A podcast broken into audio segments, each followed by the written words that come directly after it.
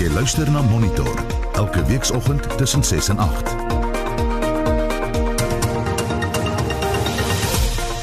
Dis nou 9 minute oor 7 in ons program.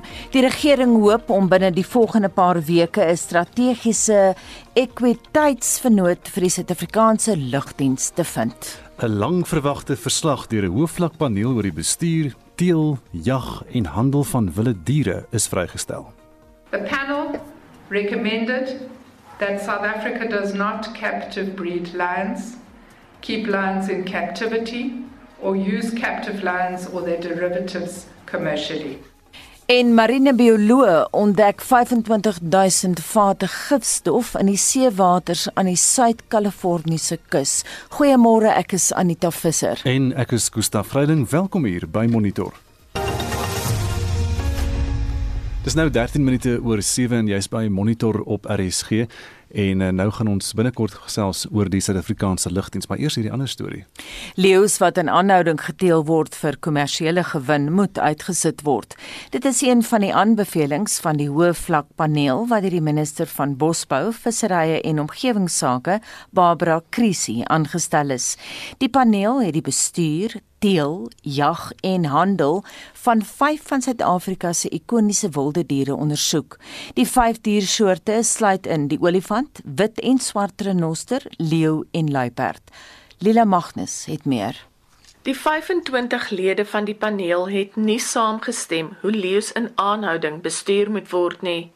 Die meerderheid het egter aanbeveel die leeuteelindustrie moet onmiddellik in Suid-Afrika tot 'n einde kom.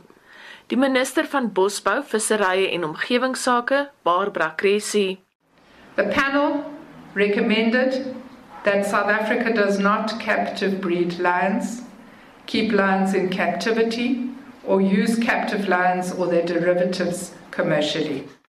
Die paneel het ook aanbeveel prosesse moet in plek gestel word sodat al die leeu's wat in aanhouding is, eties en op menslike manier uitgesit word. Aanvaarbare maniere moet ook gevind word om huidige voorraad leeubene te vernietig, sowel as die bene van leeu's wat uitgesit word. Krisie sê leeu's wat aangehou word, het 'n negatiewe impak op die land. The panel identified that the captive lion industry poses risks to the sustainability of wild lion conservation, resulting from the negative impact on ecotourism, which funds lion conservation and conservation more broadly, the negative impact on the authentic wild hunting industry, and the risk that trade in lion parts poses to stimulating poaching and the illegal trade. Die eienaar van die Mystic Monkeys en Feathers dieretuin buite Pretoria, Christa Saiman, het leeu's op haar eiendom. Sy sê die aanbevelings is siek. Die ding is, ek stem regtig nie saam hiermee nie. Ek glo nie daaraan om 1000 leeu's in 'n kamp aan te hou nie, verstaan jy? Maar as mense dit nie meer kan teel en bewaar nie, beloof ek vir jou, maak my words, oor 10 jaar bel jy my weer. Dan wil jy my die leeu's nou? Ek doen nou nog soos en net vandag lion en tier interactions. As jy nie aan 'n dier gevat het en in sy oë gekyk het en sê net maar jy's 'n leeu, jy's leeumal. Jy kry mense wat leeumal is. Dis hulle begeerte net om aan 'n leeu te vat en dis waar bewaring tog begin. Die paneel se aanbevelings op die verbod op die internasionale handel in renosterhoring in plek te hou, het ook ewige reaksie uitgelok.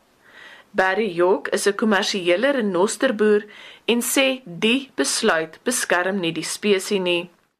Many of these recommendations will not lead to the saviour of our species.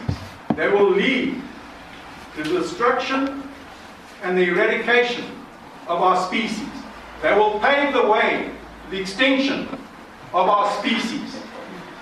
We need to change the way we are doing business and don't talk to us as being partners. But the majority of people who own and pay for the protection of the rhino are the people who want a pro trade agreement. Die voorsitter van die paneel, Pam Jaco, het die beweringe ontken en gesê hulle het verskeie kommersiële renosterboere se insette ontvang en oorweeg. Krisis sê 'n beleidsdokument wat op die aanbevelings gebaseer is, sal binne 'n paar weke vir openbare insette beskikbaar wees. Ek is Lila Magnus vir SAK nuus in Pretoria. 17 na 7 en nou gaan ons praat oor die Suid-Afrikaanse lugdiens. Nou al is SAL nie meer in sakeredding nie, moet die nuwe direksie 'n nuwe sakemodel opstel. Die sakereddingspraktisyns het Vrydag die lugdiens weer aan die tussentydse raad en die bestuur oorhandig. Dit het gebeur ten spyte daarvan dat die volle bedrag van meer as 10 miljard rand wat SAL nodig het vir hul reddingsplan nog nie oorbetaal is nie. Byna 8 miljard rand van die bedrag is wel al oorgedra. Vir meer hieroor praat ons nou met die lugvaart-ekonoom Joachim Vermoten. Goeiemôre Joachim. Goeiemôre Anita en Gustaf goeiemôre luisteraars. Die sake reddingsproses is nou afgehandel dat dit baie lank geneem. Dink jy dit was doeltreffend? Wel, dit is heel wat verskil van 'n gewone sake reddingsproses. Want gesien die minister gevoel het dat hy uh aan beheer is van die proses en die sake redders nie. En so hulle het hier gaan aan hom moes rapporteer en sy leiding uh, moes uh, aanneem. En hoeveel geld is op die ouend bestee in hierdie hele sakereddingsproses? Ja, dit is uh, om en by uh, 170 miljoen uh, op die stadium van Mei 22, so Mei verlede jaar. Uh, hulle is nie baie bekend om uh, weet syfers en so aan beskikbaar te maak nie, maar dit is die laaste inligting wat ons het. So dis waarskynlik by hierdie tyd baie meer. Ons het nou in die verlede al verskeie onderhoude gevoer met mense soos Leon Lou van die Vrye Mark Stichting en die ekonom professor Janie Resou en so aan. En hulle is erg daarteen gekant. Hulle het eenvoudig gesê met SAL toemaak en afskryf en totsiens en goodbye was nog een van hulle se woorde. Hoe voel jy daaroor? Ja, dit is 'n moeilike ding. Uh ek dink die die ware omstandighede is dat uh, dit gaan baie moeilik wees om hierdie maatskappy weer aan die gang te kry. En sy filiale is ook in die moeilikheid. So daar's 'n tekort aan geld alreeds op hierdie stadium. Die besigheids uh, uh, herstelproses het uh, 10.5 miljard vir uh, vir vereis. Uh, die minister het laaster uh, gesê dit is eintlik 14 en uh, sê daar's 'n tekort daarop en dan is daar ook 2.7 wat dringend nodig is vir die filiale veral vir SA tegnies en dan Mango. Ek dink SA tegnies het 'n beduidende rol om te speel in Suid-Afrika, maar daar is ander lugdienste wat die rolle van lugdienste verskaf. So as hulle nou weer begin vl vlieg en operasioneel wees, hoe vinnig gaan die geld opgeslurp raak? Uh Gustav, die geld is al klaar op. So jy weet dit lyk vir my as die sleutel tot verdere uh behoeftes vir geld. Weet, uh. Maar gaan hulle daarom kan kaartjies verkoop en so en dan behoort daar dan om geld in te kom? Ja, sodra jy uh weet plekke verkoop dan behoort jy inkomste te verdien. Maar dit is 'n baie moeilike ding om om te uh herontwikkel. Nog gesien hulle klomp krediteure teleurgestel het, klomp uh, passasiers teleurgestel het en dis baie baie moeilik om jouself weer te hervestig in 'n mark as jy eers jou deure gesluit het. Kom ons staan 'n bietjie by daai punt stil. Want jy praat nou van passasiers wat ontevrede was en mense het lank geheus veral hieroor. Dink jy Israel gaan hom kan vestig weer in die mark of gaan mense eenvoudig Suid-Afrikaners sê ag nee wat ons vlieg liewer met 'n ander lugredery? Wel, ek dink in die binneland uh, is daar 'n groot uh, onsekerheid of dit enige waarde gaan byvoeg. Uh jy weet daar is heel wat Suid-Afrikaanse privaat sektor uh investeerders wat al klaar belê het in die binnelandse kant. Uh en dit is baie duidelik dat daar dit is 'n dinamiese mededingende mark. So dit beteken dat uh, nuwe toetreders toetree en dit beteken ook dat uh, uitmodiese modelle met eie mark het verdwyn. En eh uh, waarskynlik is die Israel binnelandse operasies een van hulle.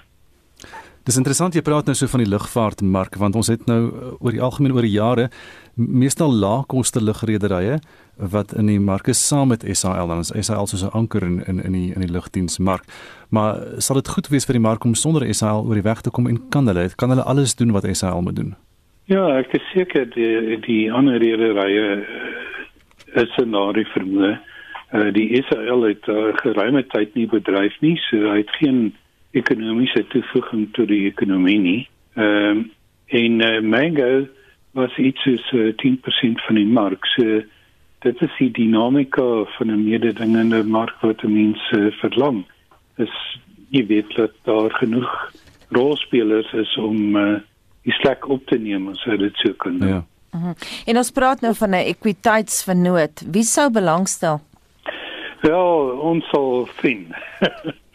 dit is almal so uh, jy weet uh, denke en uh, daar was nog geen inligting wat beskikbaar gemaak is nie. Dis natuurlik nie 'n goeie tyd in die lugvaartkant om 'n groot operasie te begin nie. En uh, daarbey, jy weet, jy groter rederye uh, is in die moeilikheid. Jy weet, so al hoe groter jy was, al hoe meer in die moeilikheid was jy. So dit sou baie interessant wees om te kan sien wie wie die vennote is uh, wat belangstelling toon. Jy het nou net so vinnig verwys na die filiale en daar is nou hierdie filiale in die begin dis natuurlik Mango, maar ook Air Chefs wat vir jou kos gee op die vliegtyg en ja. SAL tegnies soos wat jy gesê het. Ehm um, wat kan gebeur met die met hierdie filiale en en hierdie entiteite want hulle is nie heeltemal hulle is hulle is soos 'n eie rade, hulle hulle funksioneer half afsonderlik. Ja. Oh kyk, ehm um, in Mango se geval uh hy dink direk mee met SAL se ja. binnelandse bedryf. Jy weet se uh, net voor die besigheids uh herstelperiode was die gedagte om SAL se binnelandse bedryf betaal oor te plaas na Mango. So sy vliegtuig het vermeerder van 4 na 14 toe. Uh en nou is daar sprake dat SAL weer uh, binnelandse bedrywighede uh, wil bedien. Dit beteken die twee sal direk met mekaar kompeteer en daar's uh, baie groot geld betrokke as twee staatsrederye uh jy weet kom pryse uh, sny teen mekaar en uh jy weet Mango self het herstrukturering nodig dit is duidelik dat die verkeersvolume na COVID-19 nie dieselfde sal wees as voorheen nie so daar is 'n verwagting dat die verkeersvolume uh, op die oomblik iets is 40% van 2019 sal wees en tog hulle hulle volle komplement van vliegtye waar vier koste moet betaal word. So jy weet dit is 'n groot verliesmakende situasie. Baie van die eh uh, verhuuringsmaatskappye eh uh, het uh, vliegtye teruggeneem en periodes uitgestel en huurperiode vakansies ingestel. Ehm um, maar dit lyk nie asof daar enige sulke onderhandelinge was om dit te uh aan te pas by die markomstandighede nie. Jy weet 'n 'n mens kan net nie verstaan hoekom die belastingbetaler uh, moet betaal waar Mango se raad in DPE en die minister niks gedoen het om aan te pas by die werklikhede van die markomstandighede nie. Baie dankie en daai kritiek kom van die lugvaart-ekonoom Joachim Vermoten. 25 minute oor 7 en die DA versoek die Gautengse polisiekommissaris Elias Mawela om 'n taakspan saam te stel om die toenemende voorvalle van veediefstal in die provinsie te ondersoek. Die hoof van die DA se hofmoniteringseenheid in Gauteng, Adrian Roos, sê verlede jaar was daar ongeveer 12 miljoen rand se vee aan die Wesrand gesteel. In 2020 in die Wesrand is 38 veediefstalle gevalle aangemeld, terwyl 28 gevalle in net die eerste 45 dae van hierdie jaar aangemeld is. In Tshwane het voorvalle tussen 2020 en 2021 van 1 per week tot 1 per dag gestyg. In Gauteng sit ons nou met 2.5 aanvalle per dag en mense moet in ag neem baie boere meld nie kleiner toevalle aan want hulle ervaring is dat die polisie daarop nie reageer nie. Die nasionale veediefstal voorkomingsforum het berig dat uh, vee ter waarde van 1.24 miljard in Suid-Afrika gedurende die boekjaar 1819 gesteel is. En die voorvalle word meer. In hierdie moeilike tye sukkel boere om die vervanging van die verliese te finansier. Die DA Hofmoniteringseenheid het ondersoek ingestel oor die 38 veediefstalsake wat in 2020 deur Wesrand boere aangemeld is en ontdek dat slegs 4 sake tot arrestasies gelei het.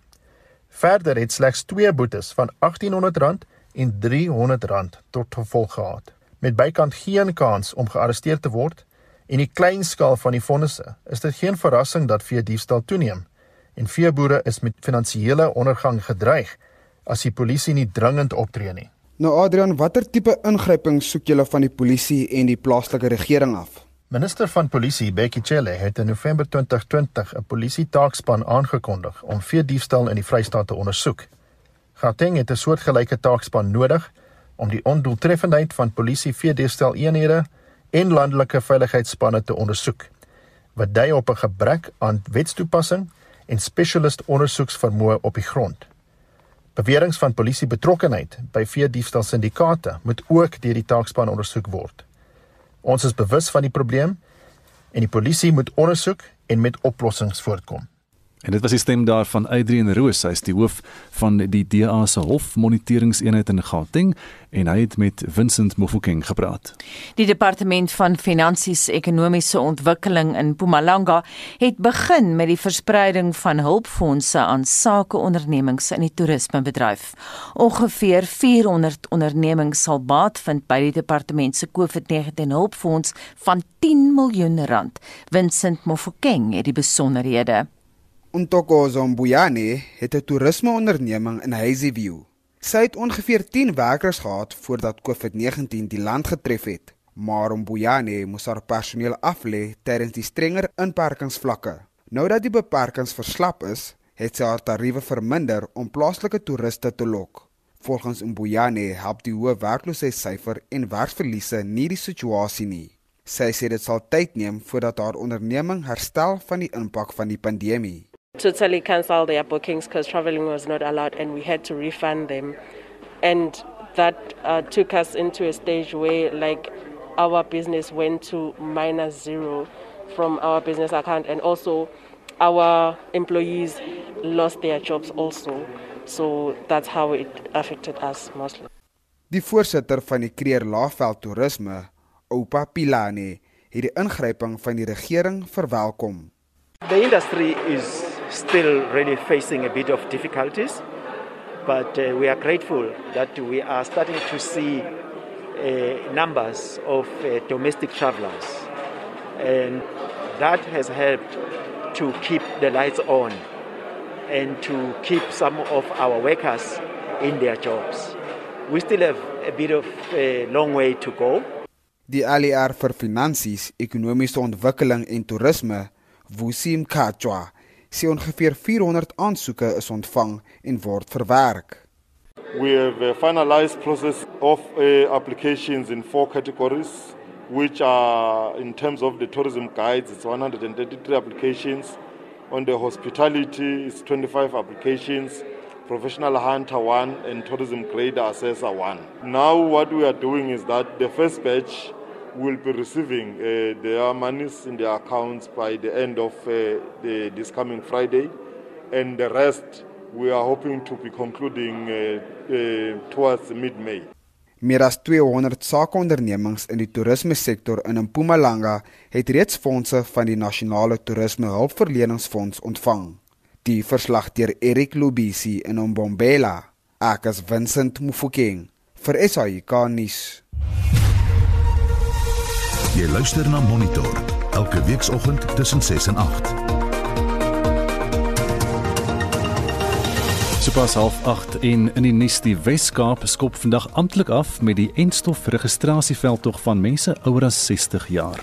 Kusatu oorhandig 'n griefskrif oor korrupsie aan die premier van Noordwes. En 'n hoë vlak paneel oor 5 van Suid-Afrika se ikoniese diere het aanbeveel dat leeu's wat in aanhouding geteel word vir kommersiële gewin uitgesit moet word. Bly by ons.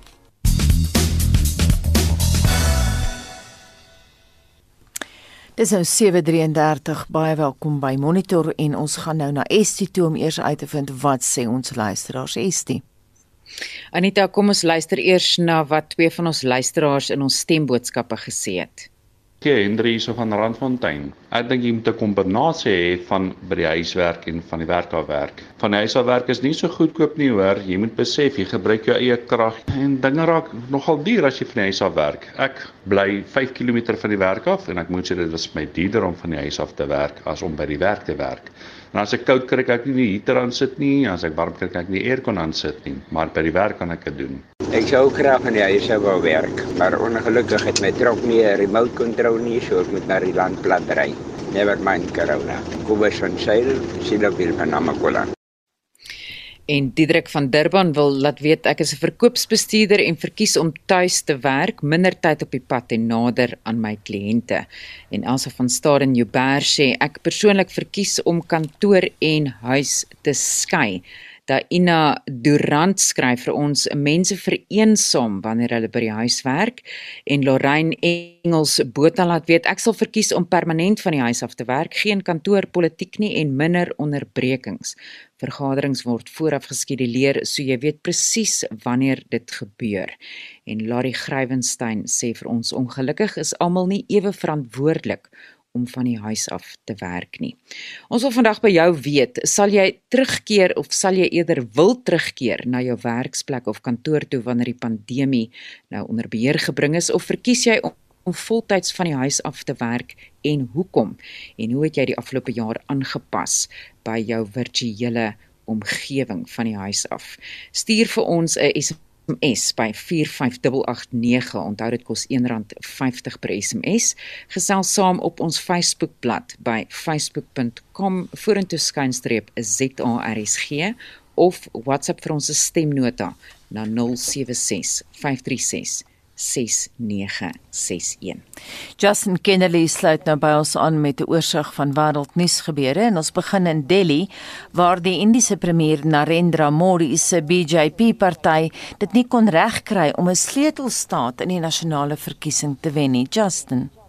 Ja, die verkiesings is in 5 state in Maart en April gehou en die BJP het gefokus op die Wes-Bengale deelstaat tydens veldtogte maar die mag daar is gemaklik behou deur die leier van die TMC party Mamata Banerjee. Sy is die enigste vroue hoofminister van India en het uh, tydens verkiesingsveldtogte in haar rolstoel uitgegaan om kiesers te ontmoet selfs terwyl die pandemie krisisvlakke bereik het. Sy het egter India se verkiesingskommissie daarvan beskuldig dat hulle haar uit haar pos probeer verwyder het. We have faced the horrible situation. We have faced the horror of the election commission but ultimately I'll go to constitution bench because whatever they have done this time in Bengal in the bias way, you tolerate like this, then India there will be no democracy. Intussen word Narendra Modi daarvan beskuldig dat hy tydens die verkiesingsveldtogte op peilings eerder as op die pandemie gefokus het. Die verkiesings het ook voortgegaan in die staat Assam, Tamil Nadu en Kerala, sowel as die gebied Puducherry. Hoewel die regerende BJP-party kon vasklou aan hulle mag in die noordoostelike deelstaat Assam, kon hulle nie meer stemme elders wen nie.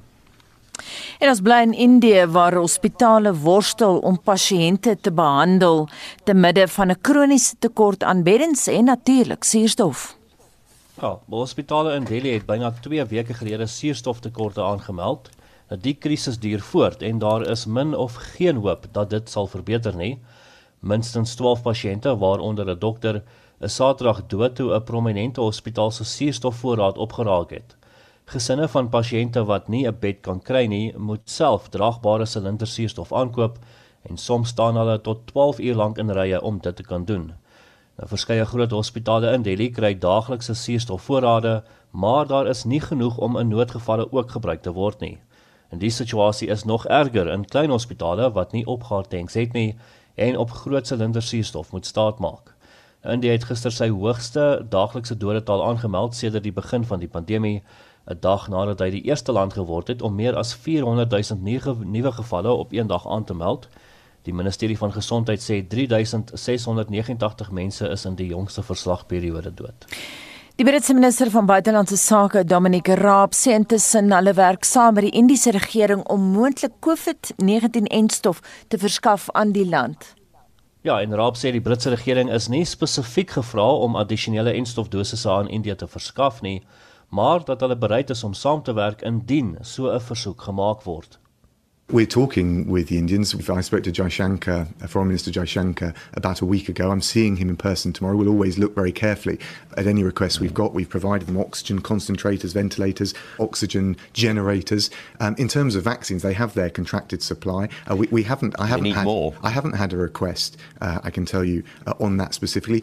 But I'm very closely engaged with Foreign Minister Jaishankar. The Indian relationship is very important to us, um, and we'd obviously want to cooperate very closely together. Right throughout this crisis, we've said we need to keep supply chains, particularly uh, critical supply chains, open, and we ought to resolve these kind of issues through collaboration, and that is certainly what we're doing with the Indians. Die stem daar van Dominic Raab, die Britse minister van buitelandse sake. En nou na 'n ander deel van die wêreld, 'n vermeende migranteboot het aan die kus van San Diego in Kalifornië die VSA omgeslaan. En ja, drie mense is dood en ongeveer 24 mense is beseer nadat eh, 'n uh, boot in die moeilikheid beland het aan die kus van San Diego tydens 'n vermeende smokkeloperasie. Die boot was glo te vol mense toe dit gisteroggend op 'n rif naby Point Loma opgebreek en sowat uh, 30 mense in die water laat beland het. Amptenare sê die bootkaptein is in aanhouding omdat hy vermoedelik met mense smokkel en die nasionaliteit van die slagoffers is nog nie bekend nie. En 'n nuwe vloer gaan by die Kolosseum in Rome gebou word. Ja, die Italiaanse regering het 'n plan goedgekeur om 'n houtvloer te bou by die Kolosseum. Die minister van kultuur, Dario Franceschini, het gister die projek aangekondig, berig die BBC se Steve Jackson. Italy's culture minister said the new floor was an extraordinary project that would enable visitors to stand once again at the same level where gladiators fought in the amphitheatre. It will also allow light and ventilation into the underground passages below and will collect rainwater to supply modern day toilets. The previous floor was removed by archaeologists in the 19th century to reveal a labyrinth of rooms and corridors below. For more than a hundred years, it was never properly replaced. Before the pandemic, 25,000 people a day went to the Colosseum, and officials hope the new floor will give visitors a better experience for decades to come. En daai inligting kom van die BBC se Steve Jackson. En die inligting oor wêreldnuus gebeure kom van ons eie verslaggewer Justin Kennedy. Dis nou 19 minute voor 8 uur by monitoring van wêreldnuus na sport. Die naweek se sport is afgehandel en daar's 'n rits uitslaa waarmee Pieter van der Berg dan nou gereed sit. Môre Pieter. Môre sê Gustaf. So rugby die naweek baie aandag getrek. Kom ons loer na daai uitslaa.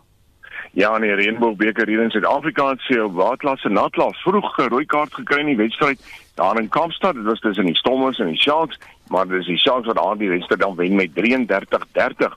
En uh, Saterdag was dit die Bulls en die Lions wat kragtig gemeet het in Pretoria en die Bulls het aan die kragmeting met 24-9 gewen en dit was 'n uh, lekker sopnat veld geweest waar hulle gespeel het. Kom ons loop na die ehm um, wedstryde oor see in Nieu-Seeland. Dis die Outaria reeks afgaan afgehandel of 'n wedstryde eerder en dit was daar eh, 'n uh, goeie oorwinning vir uh, die Blues wat die Chiefs met 39-19 afgestop het. Die Blues het 6-3 teenoor 1 gedruk. In Australië, die Brumbies, 'n oorwinning van 21-9 oor die Western Force en natuurlik eers komende naweek is dit die eindstryd wat gespeel word en die Brumbies en die Reds sal daar kragte meet. In die Waasdiebeker reeks is vier wedstryde die naweek afgehandel. Dit was die Noordwes Universiteit wat vir Wits geklop het met 22-20. Die Shimlas behaal 'n wegoorwinning teen die Madibas van 24-20. Eh, die Universiteit van die Wes-Kaap het vir UJ met 31-5 afgestof en dan eh, CUT, hulle het outomaties geklop met 23-18. En dan 'n klomp golftoernooie is in naweek wêreldwyd gespeel. 5 van hulle het enige Suid-Afrikaners daartoe met die louere kon wegstap. Ja, Gustav hier in Suid-Afrika is JC Ritchie wat 'n uh, oorwinning behaal het oor Jacques Blau. Dit was in die uitspelstryd nadat beide op 1400 syfer geëindig het by die Kaapstad Ope en dis JC Ritchie wat so 475000 rand in sy sak gesteek het. Die derde plek is ingeneem deur Luke Jerling, Ewan Ferguson en Michael Lindbergh. Hulle was almal op 1300 syfer geweest en uh, Santiago Tario, hy is van Spanje en hy daar alleen die sesde plek ingeneem. Hy was op 1200 syfer geweest. Dan uh, van die ander to toernooie wat natuurlik afgehandel was in Europa is die Tenerife Ope in Spanje gespeel en nog 'n Suid-Afrikaner het gevra, dit was Dean Burmester wat daar vir het op 21 onder syfer, een nou beter as 'n uh, Kalle Samoya uh, van Finland met Adrian Maronk wat uh, daar in uh, die derde plek was. Nog 'n Suid-Afrikaner het uh, goed gevaar daar, dis Louis de Jager wat op 1500 syfer geëindig het. En dan natuurlik in Suid-Afrika was daar 'n uh, hele klompie ander toernooie gewees wat uh, die vroue aanbetref. Kom ons loer eerstens na uh, die Joburg Ope. Cassandra Hall het daardie toernooi gewen. Sy het op 1 oorsyfer geëindig met Lee Ann Pace in die tweede plek. En uh, natuurlik eh, was daar ook die Walspar kampioenskap daar in Amerika en ons sal daardie uitslag bietjie later kry. Ek het hom nog nie by my op die oomblik nie. En uh, ja, dis wat die golf van betref Kaapstad oop gewen deur 'n Suid-Afrikaner en ook in Europa is 'n Suid-Afrikaanse oorwinning. Dis dan die golf, maar dan sal ook cricket gespeel. Gister is twee wedstryde in die Indiese Premier Cricket Liga afgehandel en daar was ook toetskriket wat gespeel is. Ja, ek moet sê na daardie het Zimbabwe 'n groot pak slaag op die toetsveld uh, gekry. Dis Pakistan wat aangesef hier het. En dan uh, die Rajasthan Royals en die uh, Chal uh, die Royal Challengers Bangalore het kragtig gemeet in Indië. En uh, dit is uh, daardie wedstryd het gewen was deur die Royal Challengers Bangalore. En uh, natuurlik uh, soos ek sê die vroeër reeds Saterdag was dit uh, ook 'n oorwinning geweest op die toetsveld vir ehm um, Zimbabwe. Nee, ekskuus, Pakistan wat vir Zimbabwe geklop het en dan Sri Lanka wat met uh, Bangladesh klaar gespeel het. Nou Pieter Saterdag het jy genoem dat uh, Suid-Afrika se Kevin Anderson uitgeskakel is daar by die tennistoernooi in Portugal. Wat was die finale uitslag daar? Ja, Alberto Ramos Villas, hy het daardie toernooi gewen. Uh uitstekende oorwinning vir hom in die dubbelspel Suid-Afrikaanse Ryan Klaasen uh, en sy spanmaat uh, Ben McLaughlin het 'n pak gekry daar en dan met dit oop is gewen deur Jennifer Brady. Sy het 'n oorwinning daar in die eindstryd behaal. En steeds in Europa, die gedreun van motors en motorfietsse hierdie naweek daar opgeklim. Wie was op die podiums geweest? Ja, ek moet sê dat eh uh, die die Formule 1 was dit natuurlike uh, oorwinning. Nee, kos begin by Brad Binder eerder by die MotoGP. Uh, Brad Binder het daar uh, nie die wedren kon voltooi nie. Dit was in Jerez in Spanje geweest en uh, Darryl Binder, hy het uh, ook nie baie goed gevaar in Moto3 nie. En dan Formule 1, eh uh, daardie uitslag uh, moet ek vir jou sê, ehm um, Gustav sit ek nou hier op die oomblik met 'n 'n kragonderbreking en daardie uitslag het ek nie hm. voor my nie. Ja. So ehm um, ons ons moet sê dat eh uh, die die Formule 1 was oorheers geweest en dis ehm um, uh ongelukkig ja nee so ek sê ek het 'n ongelukkige kragonderbreking so ja. al daardie inligting is nou weg op die oomblik en ek kan dit ongelukkig nie kry nie. Maar daar's wel ook uh, sokker gespeel groot sokker groot kanonne van die sokker uh, mense was op die veld geweest.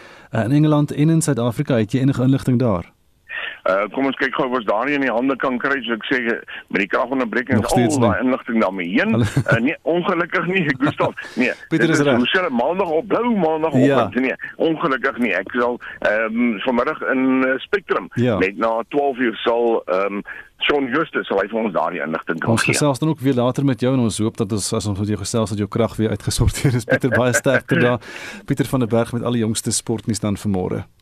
Nou ons gaan aan met uh, monitor hier teen 14 minute voor 8 en marine bioloog het 25000 vate gifstof in die seewaters aan die Suid-Afrikaanse die Suid die Suid-Kaliforniese kus gevind, nie Suid-Afrikaanse kus nie. En die materiaal wat vermoedelik ook DDT bevat, is deel van 'n reuse onderwaartse onderwaterse afvalterrein wat terugdateer na die Tweede Wêreldoorlog. Nou die wetenskaplikes verbonde aan die San Diego Scripps Instituut vir Oseanografie het visuele bewyse van hulle ontdekking, maar kenners meen dat daar tussen 1950 en 1972 tot 500 000 vate gifstof in die oseaan gestort is. So byvoorbeeld is 60 van die vate in 2013 in die see gekry en dis maar net een deel van die verhaal. Professor Henk Bouman van die departement dierkunde aan Noordwes Universiteit moniteer die effek van die stortings nou al vir jare en ons praat vooroggend met hom oor die nuutste ontdekking. Goeiemôre. Goeiemôre Anita, Gustaf van luisteraars. Net kortliks vir luisteraars wat die storie nie gevolg het nie, wat is die aanloop tot die nuutste ontdekking? Anita, dit was al jare bekend dat uh daar uh, chemiese stortings was uh in in in die kus langs uh, Kalifornië naby die ehm um, uh, Catalina eiland. Maar die omvang daarvan was nog nooit uh, presies bepaal nie. Die omvang is enorm. Ehm um, toe hulle nou met hierdie onderwater hommeltuie begin rondsoek het daar so op 'n plek waar hulle gedink het die vate lê, toe kry hulle heel wat meer as wat hulle voor ehm um, wat hulle verwag het. Ehm um, en dit is nogal skrikwekkend. Die direkteur van die Spits Instituut was nogal baie ehm um, bekommerd daaroor geweest. Uh is nog steeds bekommerd daaroor. Die probleem is dat die area wat hulle deursoek het heel wat kleiner is as die waarskynlike stortingsterreine wat wat wat daar is. En ehm um, dit kan dus heel wat meer wees. So as jy nou 'n konservatiewe beraming moet maak, hoeveel is daar min of meer? Wel, ehm um, die beramings wat gemaak is, kom tot op 500 000 dromme uit. Ja. Uh, en dit is natuurlik geweldig groot en dis wat hulle kan raam ek meen daar mag dalk meer plekke wees en dis net dis naby dis naby Los Angeles. Ek meen mm. dis dis waar die films maak en so aan. Weet jy hoekom dit gedoen is? Ja skiet toch weet jy hoekom dit daar gestort is? Wel dis goedkoop. Dis net om ehm um, uh, om goed in die see te gooi en dit het al dekades gebeur. Dit is nie uh, dit, en dis wêreldwyd 'n probleem. Dat uh, as jy van skadelike goed met ontslaa raak, dan gooi jy dit net in die see en hooplik kan gaan gaan niemand dit agterkom nie. Jy en is vir die mond Mhm. Skies toe. Maak maak klaar. Uh die Montrose Chemical uh Corp wat die DDT gemaak het, is van net een van die maatskappye, maar dis hulle spesifiek wat uh, die vate, die dromme met uh, DDT en ander uh, industriële afvalstowwe in die see gegooi het. En ek kon sien dat die dis sogar stringe wat op die see lê, het, het, het, het hulle gekry. Soos die skipvaar soos hulle boot gegooi het en hulle uh, die dromme eers gat en gekap sodat hy kan sink en daar lê die dromme nou. Hmm. Uh vir baie lank stadig besig om my goed te lek in die see. En wat doen dit as jy moet sê as bioloog aan die marine lewe? Jy ja. ons 'n prentjie skets. Uh, ja, wel is nie 'n goeie goeie prentjie nie. Uh hierdie goed le lek natuurlik hierdie stowwe in die see en dit kom uiteindelik kom met dan 'n marine lewe te uh, beland in marine lewe. Nou kan enigiets veroorsaak vanaf direkte dood na baie meer subtiele effekte soos endokriene versteuring. Een van die effekte is natuurlik kankers na sprake dat die kankers wat hulle kry in robbe langs die kus van Kalifornië juis as gevolg van hierdie stortings is. Nou die probleem is nie net tot daar beperk nie want ons eet die vis en ons eet die mossels en ons eet die calamari wat ook um, van van hierdie plekke afkom en dit akkumuleer op die ander effek wat hulle gekry het is langs die Kaliforniese kus is dat die uh, arende, die seearende ehm um, sy eiers het begin breek. Die dop het so dun geword dat die dat dat dat dat dat, dat die eiers breek fisies soos die ouers daarop sit. Hmm. Of is so dun is dat die ehm um, embryos kan nie uitbroei nie. Hmm. Is dit hoegenaamd moontlik om wel dit moet seker wees om die oseaan te kan begin suiwer? Ja, dis nou waar die groot vraag inkom. As as as die molekules reeds in die water is, dan is dit feitelik onmoontlik veral in die see.